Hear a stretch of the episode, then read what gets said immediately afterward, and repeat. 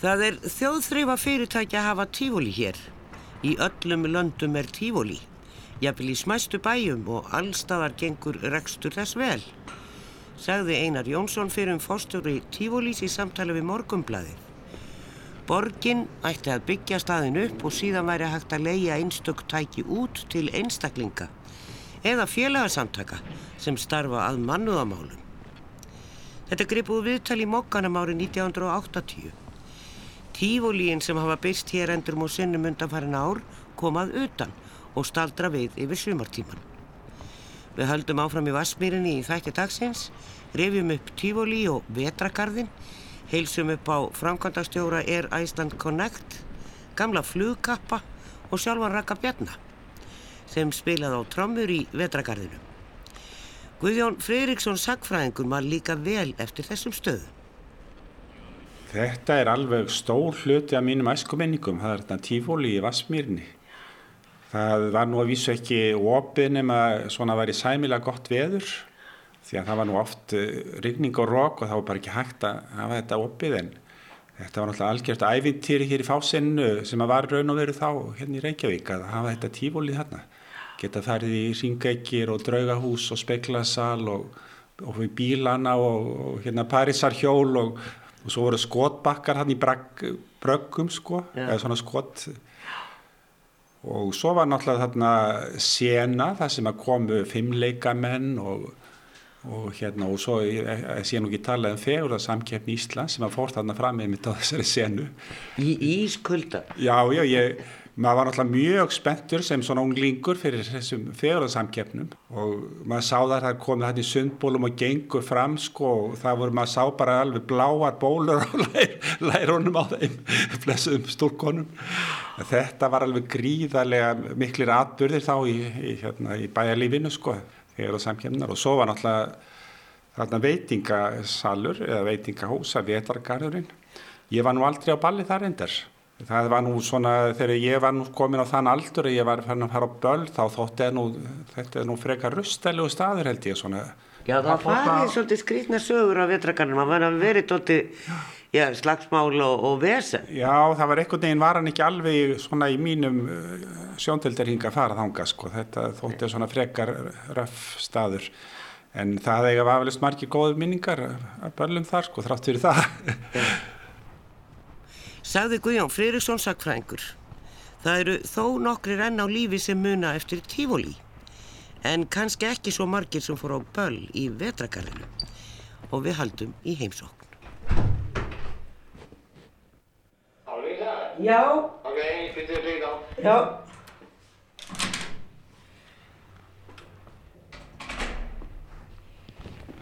Já, við erum komin upp í bæ í heimsókn til landstæksmanns.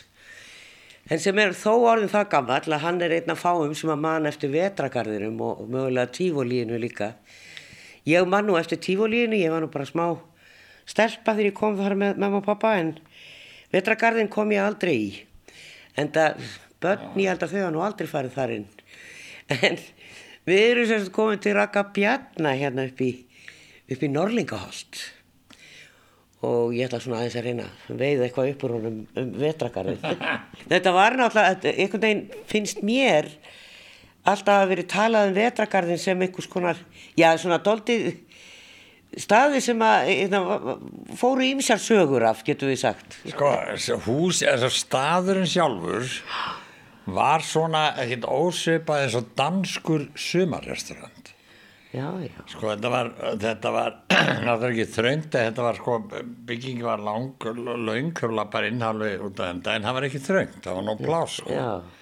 sviðið var í miðjunni og snýr út af tífurluðinu og það var alltaf hátt og, og það var sko maður að fara með tröppur og það, það er eitt sem var við þetta, það var eitt annan blómana sviði var allt út af það í blómum sko. framan, framan til í blómum og eh, þannig þetta var rosalega næs hugulegt en, en Þetta var svona glerhús var það ekki? Jú, þetta var svona glerhús og uh, þetta var svona eins og danskur sumara sem ég spilaði mikið að því já, já. bara virkilega vel gert og, og, og bara flott sko, svo náttúrulega lifnaði yfir geiminu skilur þegar það kom fram á nóttina það var ágætt að spila þarna ég var, ég var, ég var trommari þarna sko.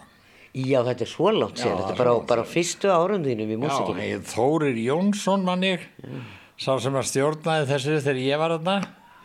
Og það var danskur verð og hann var svona monthaus einhver. Hann, því að við, Þórir var að býða við höfum alltaf að býða langt fram á hvað, fjögur, fimm á mótan til að fá borgað hann þorði aldrei að tala við danski jeðin og tekið raskandi á hann sko, en hann en Þóri var svo kurtir og hann var alltaf að vaða milli borðana, tala við alla og gaf, gaf sér alltaf tíma til að tala við Þóri sko, og borgaði ekki bara fyrir neira allir voru Því þetta mann ég, sko, ég var náttúrulega strákur sko. En það hefur verið gert upp, alla jafna bara strax eftir ball.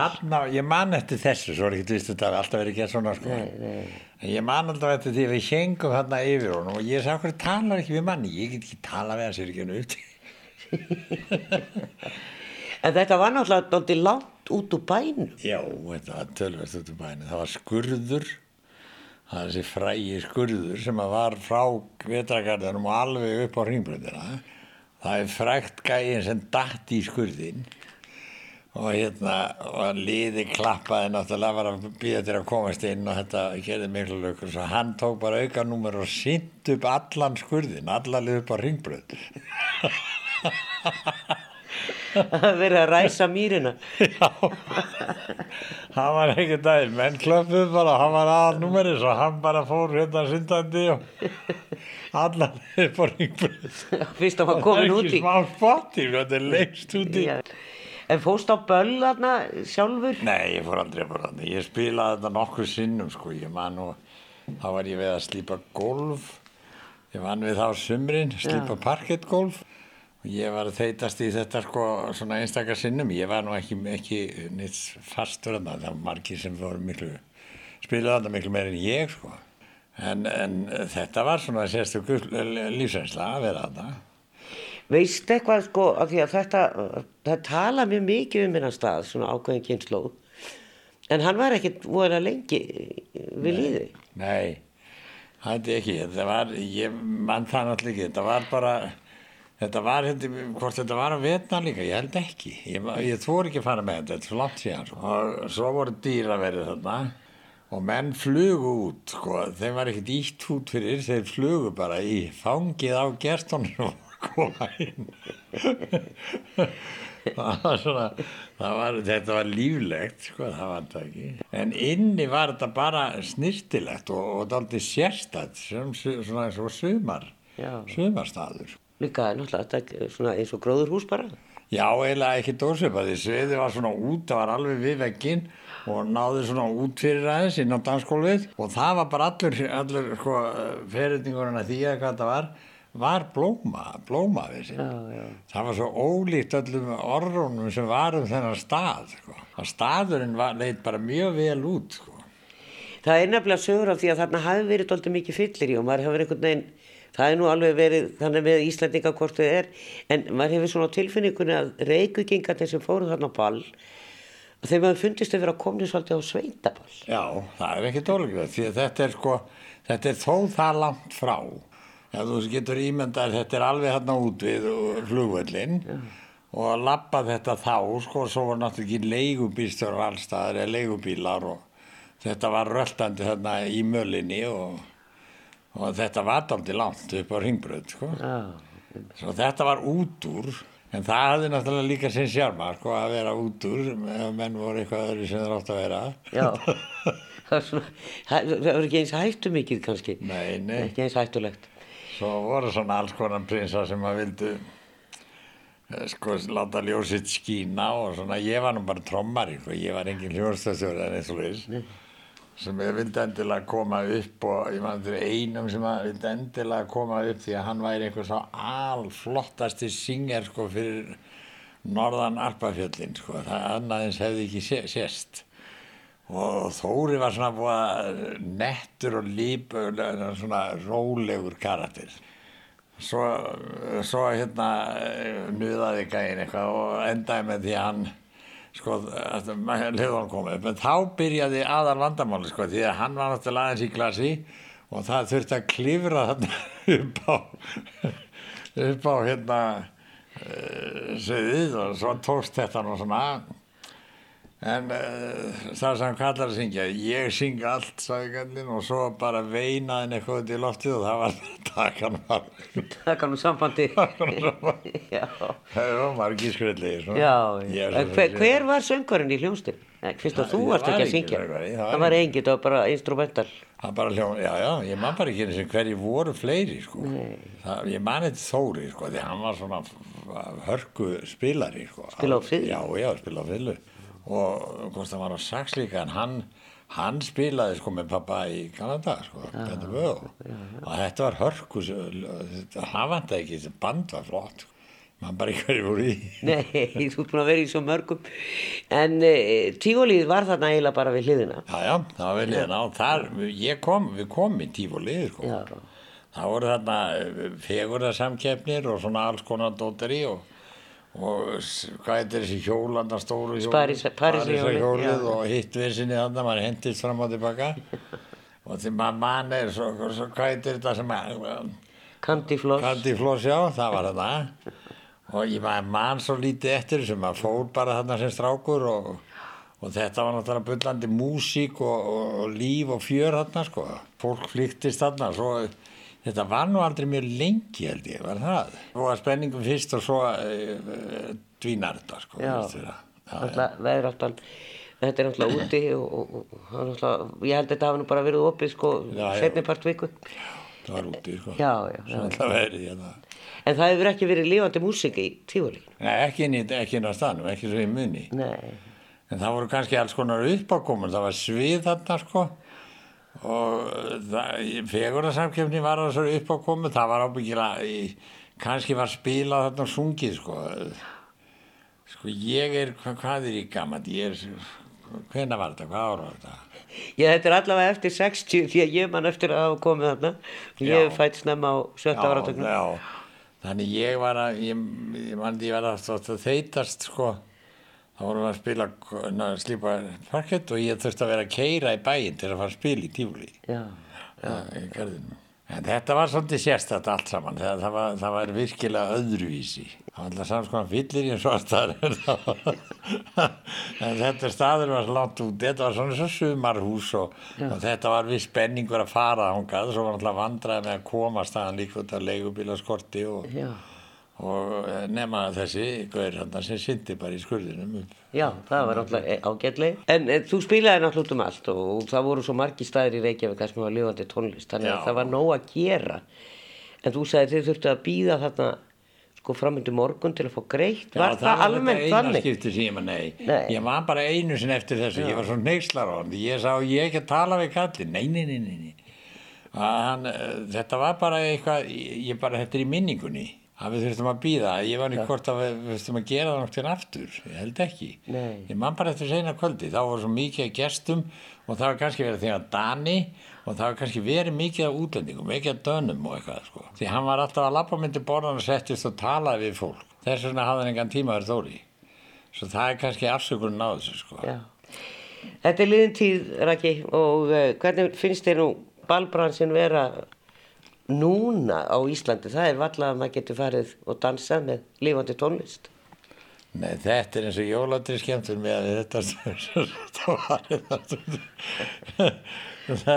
Nei, þetta verður ekkert breyst í raun og veru. Þetta er bara, ég hef nú ekki spilað á böllum síðan ég var á sögu, sko, en eitt að ráði, sko, farið inn á eitt og eitt ball. En það, eh, fólk fer bara böll og skemmtir sér og í glas og, og er ká- kátt og, og svona og mér finnst það eiginlega alltaf eins, sko. Þetta er þórskafi, sko, gamla þórskafi sem hann er á hverfu skutu þarna hjá mathöllinni frægur sem hann fara að byggja þarna eða hvað það er. Það er upp á annari hæð spiluðum við. Það var að vandamáli hjá dýraverðun og það voru sko menn komið með snæri með sér inn. Það, já, það var sko, það, það var ekkert vín og þá voru menn með snæri Ég átti þess að hala út um og glugga. svo var bara dreigið bara komið bara bokkurnar henguðnar á alveg. Það er alltaf þannig að menn bjarga sér einhvern veginn. Já, já, já, já, þetta var náttúrulega, svo fórum við þarna upp yfir, þarna í nýja þúskafi svo var þarna, þú veist hvað það var Já, já, brautarholtunum. það var náttúrulega voðalega mikið munur að koma þangað sko. Já. það var ég var með en það niður frá var ég bara að byrja það var ég trómari svo, svo fór ég í KK og, og það saman og það var mjög gaman að því sko. það, var, það var áður en að Kristín Guðmundsson hérna ráð þeirra stoppaði því að þá voru amerikandi konið hérna og þeir voru bara búin að kaupa sér íbúður og leia sér íbúður og svona eins og því þeir máttu bara valsa eins og vildu og þetta uh, líka ánum einhvern veginn ekki og, og það, þá var völlurinn girtur af og þurfti að fá leifi og svona þá var mikilvægt var bara amerikanar og, ungar rættar dömur og amerikanar Og áfengi spann. Já, já, já, þeir, þeir, þeir, drukki ekki og það, það var öðruvísi. Já, þeir System ekki var- Íslendingar. Nei, þetta var öðruvísi. En það var eitt kvöldi í viku sem við spilum fyrir Amerikana. Já. Já, það voru mest Amerikana. Svo vorum við reyndar alltaf á vellinum á höstum í Sivila-klubunum, svo við þekktum þetta vel, sko. Já, já, En eh, svona í lokin, Raki, þú ert ennþá að syngja. já, já ég er enda Hva, hva, hvað er, orka er mig? þetta? Hvað er Hvað er eiginlega með þig? Ég, eh, sko, ég er uh, náttúrulega ennþá svo ungur, það er það sem er, ég er ekki með 84, þetta er engin aldur, en röddin heldur og ég finn engan mun á henni og meðan að hún er lagi, þá syng ég, það er bara svo veðalmál. Og hefur ánæg af.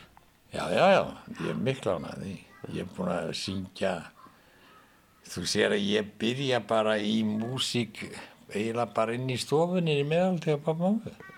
Smá party. Bara, bara hlusta á sko alla greifana þegar að uh, það var engin, eh, hann stopnaði FI á 32, pappi var formaður FI og, og stopnaði það. En æfingarna voru tölvöld mikið í meðaldi sko. Þannig ég þar eiginlega komist ég inn í þetta allt saman, hitti alla þessar stórsöngara sko og, og, hljófarleikara og allt þetta. Svo tók hann mér svo snemma með sér sko, ég var miðasal í 14-15 ára sko. Þegar hann fór út á land, þegar hann fór út á land. Einu maður sem hefur farið út á land með 12-14 manna stórsveit Já. á 1946 getur ímyndaði. Já, hugsa. Ha, Það er húsin, bara, svo kemur sumaklegin og það er löngu sérna. Já, það er lengur sinna. Einmitt. Við þurfum einhvern veginn að taka spjallum já. Það er eitt magnaðasta fyrirbyrði sem hefur verið gert. Það var sumagleðin.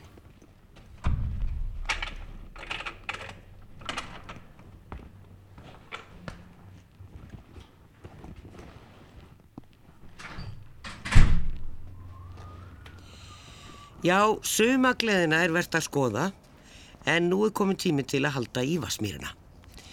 Flugsögufélag Íslands hefur aðstöðu í einu af fjölda flugskíla í Vasmýrinu. Gjörðu svo vel. Takk.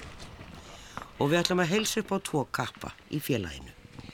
Já, þetta svæði hérna í Vasmýrinni á sér svo langa sögu, ég er nú búin að hafa margóft orð á þessu. Og ekki síst er það flugið sem að er náttúrulega uh, okkar lífæð hérna eftir að kemur flugvellur hérna í Reykjavík og, og það má kannski þakka stríðinu þó að sé ömulegt að vera að þakka stríði fyrir flugvellin. En hann hefði nú sjálfsagt dreigist aðeins lengur. Þó var reynd að byrja að fljúa hér bara fljótlega upp úr 1900 voru menn að reyna að koma vélum á loft. Þeir vita nú allt um þetta hérna Jón Katt Snorrason, fyrirvöndu flugstjóri og Baldur Sveinsson. Þeir eru aðilar að uh, félagskap sem er hér út í, uh, út í Vasmíri með sitt skíli og við erum komin hérna þið kallið þetta flugsögusafn eða flugsögufélag Íslands eða hvað er það? Íslenska, Íslenska flugsögufélagið Já, já. er nafnið á því. Og það er hér með nokkuð stórt stíli og, og aðstöð til að gera upp flugvilar og, og flugminjar ímsar og, og varðveita gögn og svo er, er geimsla hér fyrir vilar fyrir aðra. Já, já. En þetta var stopnað 1977. Við vorum þetta fimm aðilar sem að komum að því. Eða byrjuðum semst komum saman og, ákvaðum að reyna að kalla saman áhuga mennum flug og flugvélar.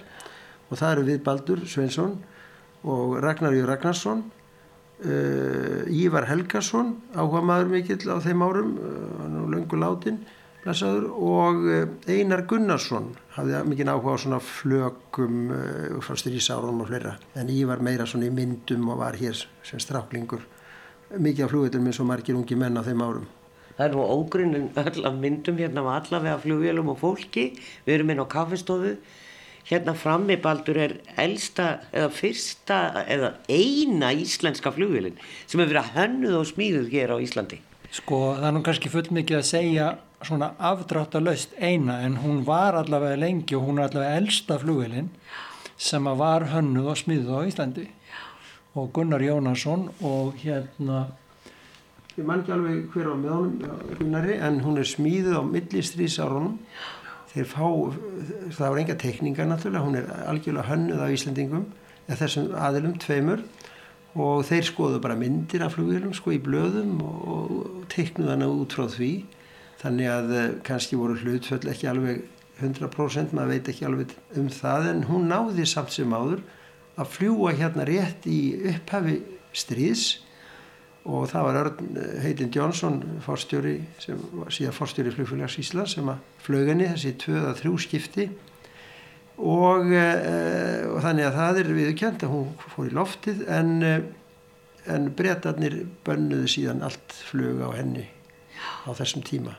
Og hún fór, var síðan sett í geimslu og fór mjög illa þar til á ég ætla ekki að vera sjönda áratögnum eða, sem að Agnar Kúfóð Hansen heitin tekur sér til og fær manni að, að, að gera hann upp Já.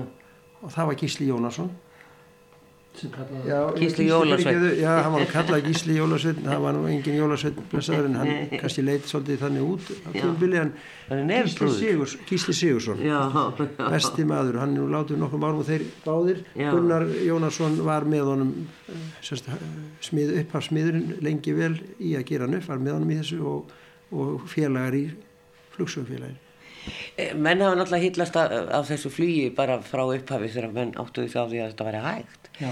Og, og hérna var, las ég mig til um í, í, í könnun árbæðasapsins að í byrjun síðustu aldar að þá voru menn að reyna að koma flugvelu hér á loft, bara snemma á síðustu öld. Gegnum svona svona og það var einhver svona vísir á flugbröð hérna þegar að herin kemur.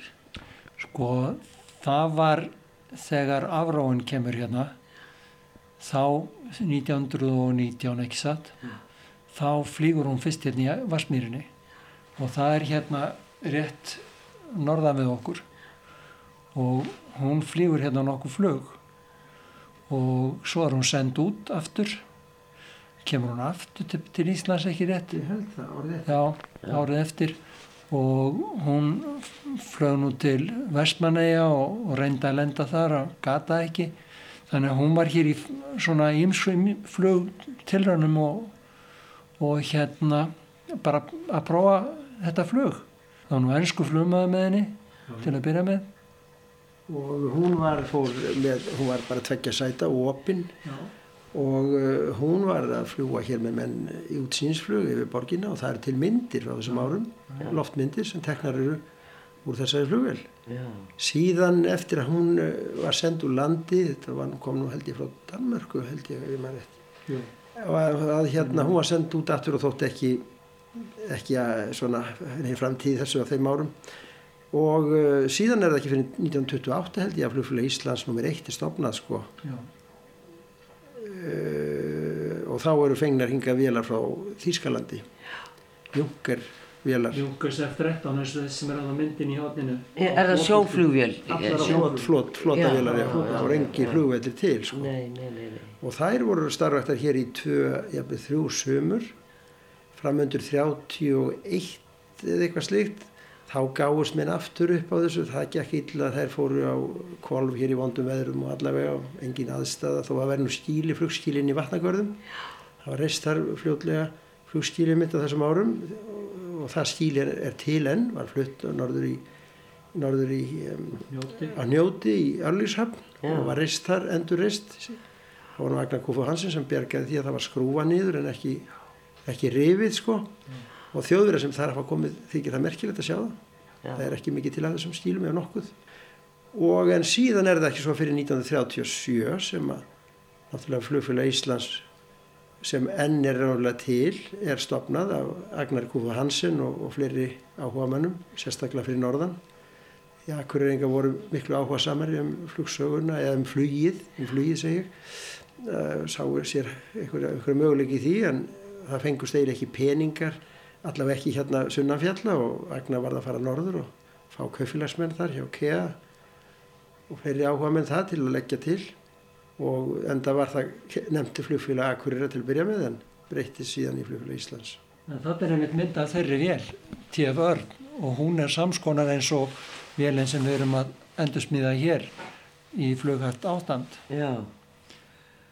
Er það það sem að þið eruð að gera þegar þið hittist hérna? Er þá verið að dunda við að smíða flugvélar? Það er svona, það er svona, þetta skiptist í eiginlega nokkur áhuga svið, sko. Það eru þeir sem hafa mjög gaman að smíða og það eru þeir sem að koma hingað og eru hér á miðugutaskvöldum allan veturinn.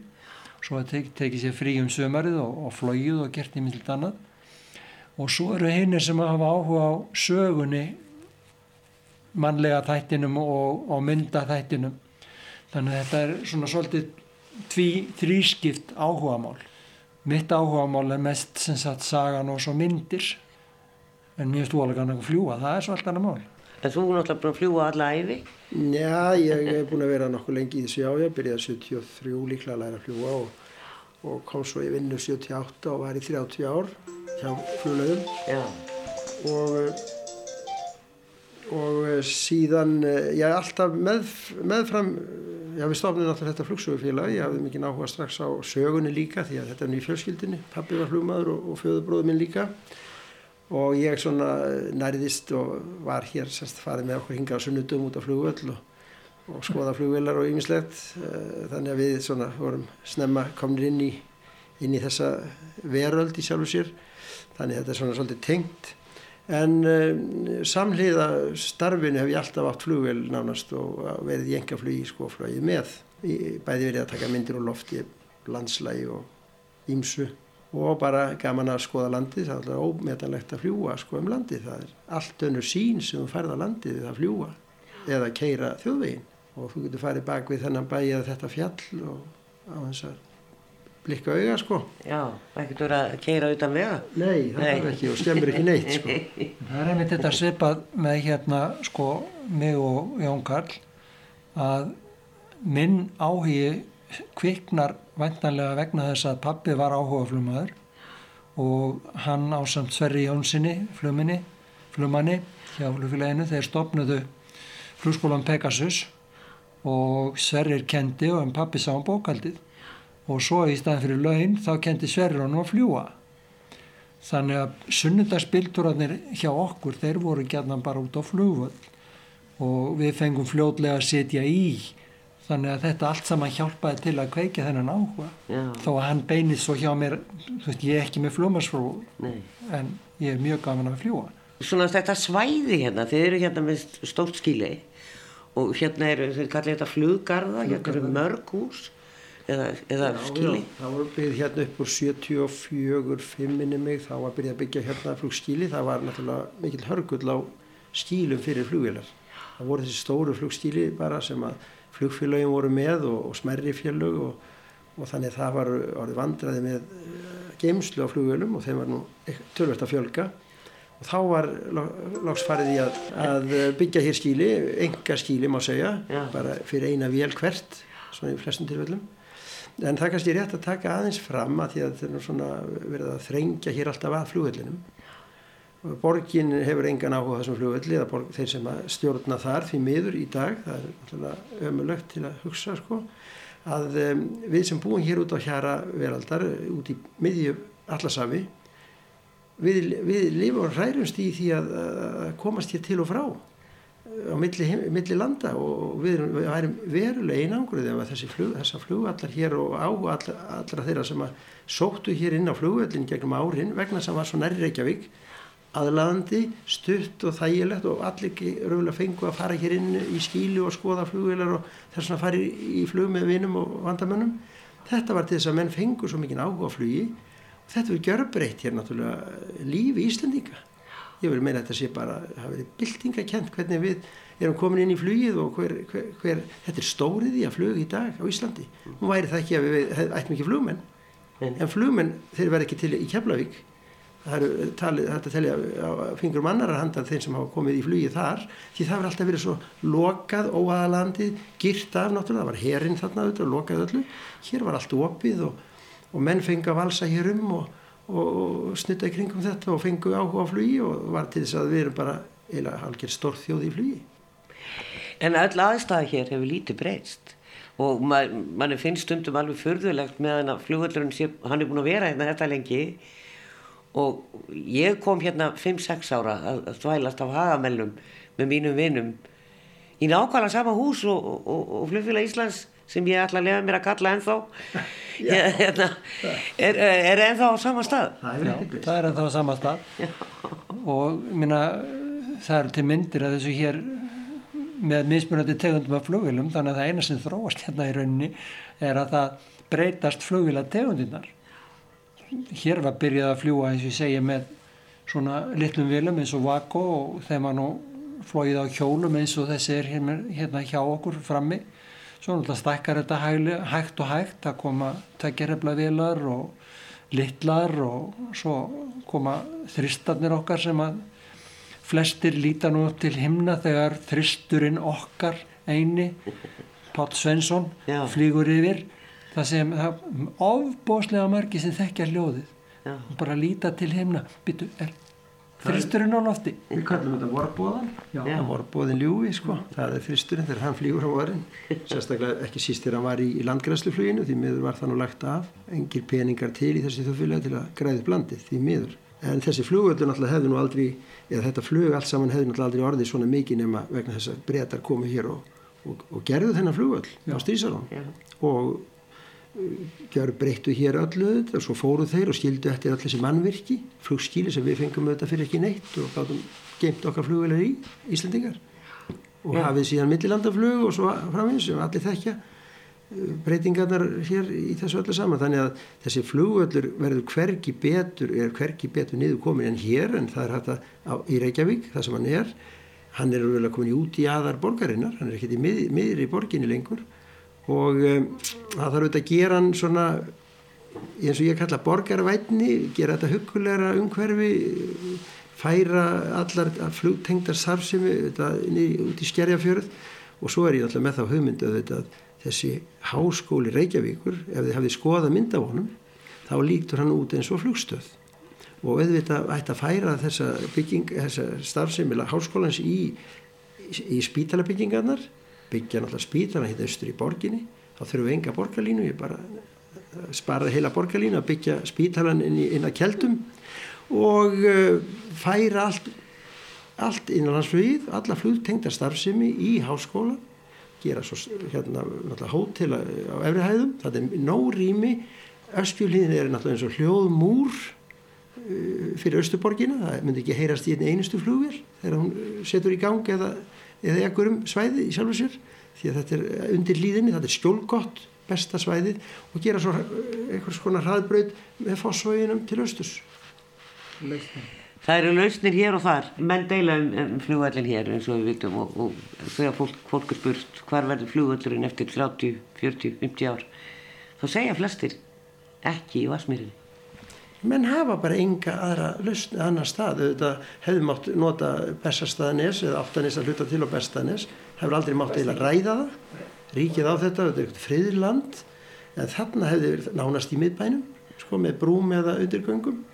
Mikið land, mikið land og mikið uppfylling sem hættir að reyðja til og búa til tvær ágæta brautir þar hefði borgin áttu að leggja náttúrulega í kostnaði og ríki í saminningu og, og losa það þetta svæði hér og því það er svona mikil sem verði en, en að fara að byggja nýjan flugvöld hér rétt sunna við hafnafjörð eða flytja allt í keflaugur þá er bara flugið, innanlandsflugið búið myndi ég að telja.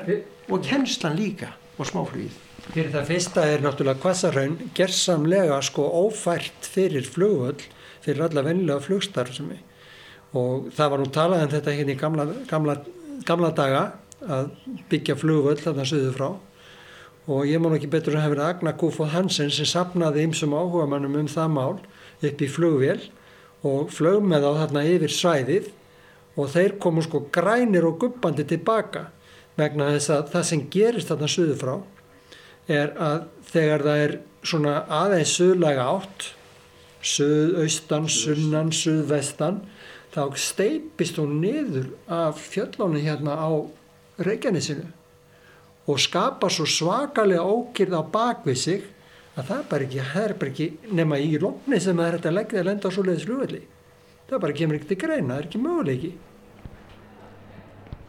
Já, það eru ýmsa skoðanir um flugvallin og við höldum í gamlu flugstöðabygginguna og hittum Átna Gunnarsson framkvæmdastjóra. Það er nú ekki hægt að fjallum Vasmýrin eru svona að koma við hjá flugfélagi Íslands eins og ég er búin að segja. Ég, maður, ég hugsa að sé nú flestir einhvern veginn sem að taki ekki þetta nafn sér í munn er Iceland Connect. Tala bara um flugfélagið, innanlandsflug. Flugfélagi Íslands var stofnað fyrst 1919 og það hefur farið í gegnum ímislegt. Það, það félag datt upp fyrir og e, síðan var það stofnað næst á Akureyri og fluttur Reykjavíkur og síðan er þetta búið að gangi gegnum ýmsar breytingar, flugleiðir og svo nú þetta nýjasta nafn. En við erum hérna í flugbyggingunni út á flugvelli og uh, kaffistofunni og móttökunni það er sem að fólk kemur í, í, í land sem sagt þegar land er hér. Það er búið að bæta svona aðeins við útganga en það hefur lítið breyst hér á alveg ótrúlega mörgum árum. En ég er nú ekki búin að finna nákvæmlega hvenar þetta hús er byggt. Friðþór Eidal hjá Ísafja vildi meina að þetta væri ekki braggi heldur en væri þetta byggt hús. Mm. en það er svolítið braggalaga þessi aðalbygging. Þeir eru búin að vera náttúrulega alveg ótrúlega lengi hérna og, og kannski ekkert skrítið að flugstöðun sé hér en að það skuli ekki hafa verið endur nýjað það hefur kannski oft verið rætt hjá félaginu. Jú, það er rétt, þetta hefur verið náttúrulega viðfangsefni margra, ekki bara mín undanfærin 20 ár heldur margra undan mér og þetta hefur farið svona í, í þó nokkuð marga ringi eða spýralega eftir hvernig maður lítur á það. Það hefur verið eh, búið að velta fyrir sér staðsetningunni semst hvar við flugvöllin eigi að vera flugstöð síðan hefur verið að velta fyrir sér hver eigi að byggja flugstöð og, þá, og, og svo spilar alltaf inn í flugvallarumræðan yfir höfuð sko, hvort að flugvöllir eigi að vera hér til framtíðar eða ekki.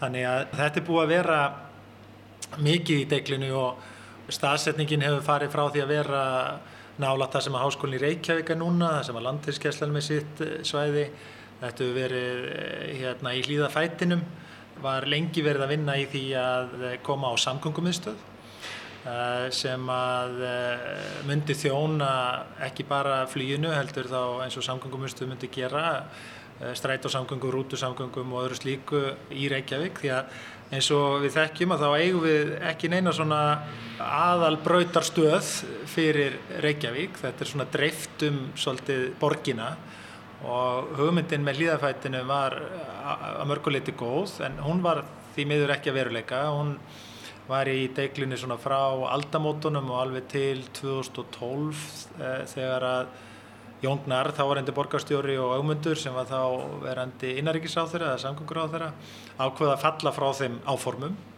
og einblýna þá frekar á uppbyggingu hér þess, í þessu húsnæði og þessu svæði sem við erum á.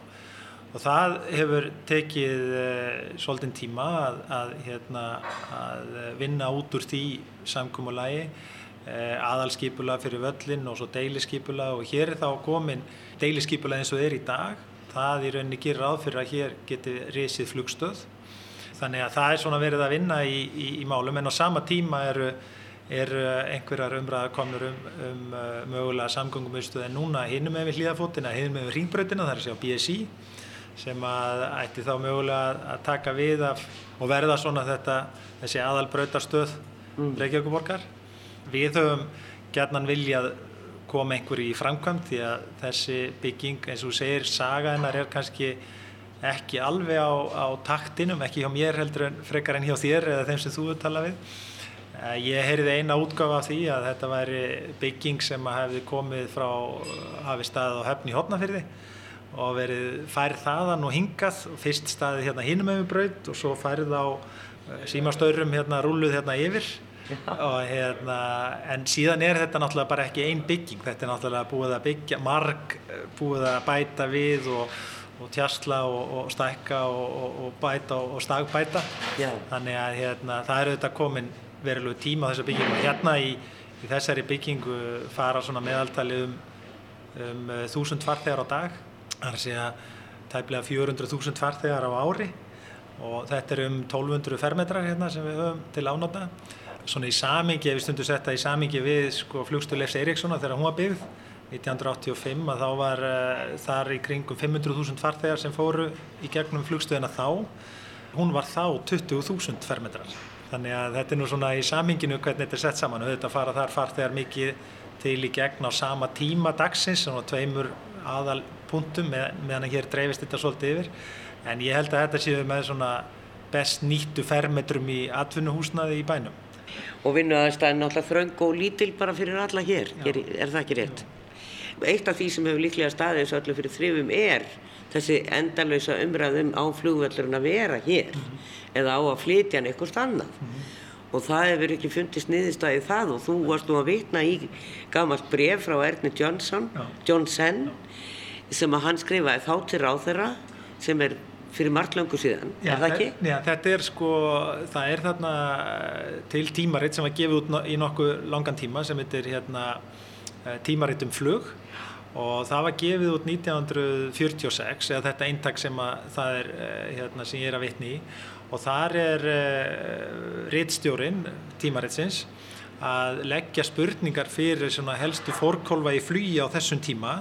Þannig og út af því að keflauguflugullur hefur verið afhendur sagt, Íslendingum til, til afnóta og þá fara menn að velta fyrir sér meðal annars þessari spurningu hvort að það eigi að nota keflauguflugull sem aðalflugull fyrir Reykjavíkusvæði eða hvort að eigi að finna nýtt flugallastæði uh, í nágrinni Reykjavíkur í staðin fyrir að vera með hann í Vasmurinni það er nú svo áhugavert að þetta eru sömu spurningarnar og ennþá er verið að velta fyrir sér núna þetta mörgum áratugum setna það fyrir nú að koma það fyrir að stýttast í aldarammali þessara spurninga eða þessara pælinga. Þannig að þetta eru þetta hérna ótrúleg saga sem hefur verið í, í gegnum tíðina þar sem að flugvöldurinn hefur verið í deglunni, hann eru þetta mjög vel staðsettur, uh, tengist hérna vel uh, miðbænum og þeim sem eru, fyrir þá sem er á ferðalagi. Uh, hann hefur hins vegar alla tíð verið svolítið umdeildur og lengi var ákveði byggingabann á Altanissinu þar sem að menn voru búin að gera ráð fyrir að þangað myndi flugvöldurinn færast með tíð og tíma. Því var síðan aflétt þarna í kringum 1970 ef maður rétt, 70-80 eitthvað svolítið sem að því að veri aflétt þannig að það eru búið að vera miklar umræður og það auðvitað hefur háð uppbyggingunni. Já. en síðan hefur ímislegt annað strandað á þessu líka. Við erum auðvitað hér að hluta til á ríkislandi og hluta til á borgarlandi. Það flækir svolítið umræðina við ætlum hérna fyrir sex árun síðan að malbygga bílastæðin hérna. Þá strandaði það á, á því að, að ríkið hafði ekki hérna sá ofsjónum yfir því að, að við færum að, að malbygga hér bílastæði og, og þannig að þetta hefur verið ákvæmlega erfið svona dilemma að vera á milli þarna borgar og ríkisdeilna um uh, hérna reksturinn og meðan við erum að reyna að sinna þjónusta og þjónusta okkar farþjóðum sem best. En, en hvers skilda er það að byggja í flugvöllin? Er það ríki eða, sko það hlýtur að vera ríkis framkvæmt ef að flugvöllin verður færður segjum svo frekar en borgar framkvæmt, það getur ekki verið mál Reykjavíkuborgar að byggja flugvöld mm -hmm. og þá fyrir ég náttúrulega flughöfn mm -hmm. er það fyrirtækisins eða er það ríkisins? Já eins og þetta er núna þá er uh, þetta uh, já, eina flugstöðin fyrir utan kollega okkar hérna hinn með braut hjá Örnum sem eru líka í sínu eigin húsnaði að þá eru þessi flugstöðarmál í Reykjavík mjög sérstök Við þekkjum í Keflavík að þá er það fyrst ríki sem byggir þar og svo er það í óbyrju hlutafélagi núna í Savia og þannig er það með flugstöðarnar út um all land. Það eru allir í eigu þessa óbyrja hérna, hlutafélags eða ríkisins. Yeah. Þannig að, hérna, að þessi staða hér er auðvitað svolítið sérstök eins og þú segir en það er auðvitað ekkit alveg óþægt annar staðar í heiminum að engaðilar eigi flugstöður ekki þær og, og, hérna, og sinni því en, en hlutverk uh, ríkisins væri klárlega að vera með flugvallar flugvellar og brautirnar sjálfar að þær væru alla jafnan hefði haldið að framkvæmda á vegu ríkisins já. Þessi deila er ekki leist og við sjáum eiginlega ekki fyrir endan á henni. Það er svo merkilegt þegar maður spyr oppan á reykingum á landsbyðina mm. þá vilja flestir hafa flugvöllin hér. Það hefur alltaf verið meiri hluti fyrir því. En svo ef maður breytir spurningur og spyr hvar setur flugvöllin eftir 30 ár mm. þá erum við komið meiri hluti að segja hann verður farin. Mm Þannig að, en, en þetta hefur við getað spurt um sjálfsagt líka 1946 og þá erum við löngu komið fram úr þessum tíma. Og enn er flugvöldurinn hér. Hvað, hvað finnst þér? Eh, Sko, þeir byrjast heldur ekki geta fræðimenn og, og, og menn sem að þekkja þessi mál eh, get ekki fundið annan stað henduri hér í nálega við Reykjavík. Þannig að Keflavík virðist einhvern veginn vera helst inn í stöðunni ef að ætti að flytja og þá með einhvers konar léttlest eða einhverju slíku til Keflavíkur. Ég sko, mér finnst eins og staðinni núna þá sé engin, engin hérna, rauk fyrir því annað heldur en að halda flugvöldinu hér eins og segir, svona næstu áratvíina. Það hafa síðan verið auðvitað ymsar spekulasjónur um annað flugvallastæði og við höfum farið eh, hér víða í kringum Reykjavík og velt fyrir sér hvað er, hérna, hvað er ákjósanlegt í þeim efnum og kannski síðasta nefndin sem vann að því var eh, svo gotur Ragnunemnd, Ragnar Árnardóttir stýriði þeirri vinnu og hún komst að því að, að kvassarhraunni gæti verið álitlugu kostur og það eru kannski eh, tvö sjónamið í því sem að vega þar þingst. Það er annars vegar það að það sé tali nöðsilegt að hér á suðvesturhóttinu séu fleiri heldur en einn flugvöllur. Það er að segja bæði upp á varaflugvallargildi og svo líka upp á öryggisjónamið. Það er að segja ef að hér verða einhverja náttúruhamfarir eða annað slíkt sem að stefna öðrum hvorum flugvöllunum í hættu að þá geti verið hægt að nota hinn tímabundið.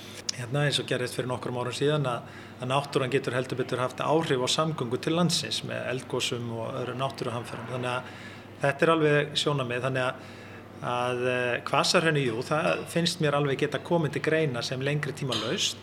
Í hvaða formi uppalega hugmyndin sagði mér að það væri gáðilegt að flytja þá allt flug á eitt stað Sagt, en halda þá keflauguflugvelli meira sem varaflugvelli og, og kannski kennsluflugvelli og öðru slíku en setja þá kvasarhraunni og búa það til sem heldar mynd fyrir, fyrir allt alman, alman, flug en uh, það virðist nú ekki vera hljómgrunnu fyrir þeirri hugmynd akkurat eins og staðinni núna uh, en mögulega getur við séð fram á einhverju tíumpunkti séu byggður upp flugvöllur í kvasarhrauninu sem að sinni þá þeirri þjónustu sem hér er á Reykjavík flugvöll í dag. Ég held að það sé ekki valkostur að fara með allt til Keflavíkur á grundvelli þess að tveggja sjónamiða. Það sé alveg að vara flugvallar hugmyndir og, og þá svona náttúru hérna, hamfara sjónamiða. Það er að segja að það geti, það sé nöðislega að hafa tvo flugvalli hérna á suðvestur rótminu þar sem við erum það háð flugsamgangum. Vi, við keirum ekki bara til næstu landa eða þannig slíkt. Þannig að það er svona,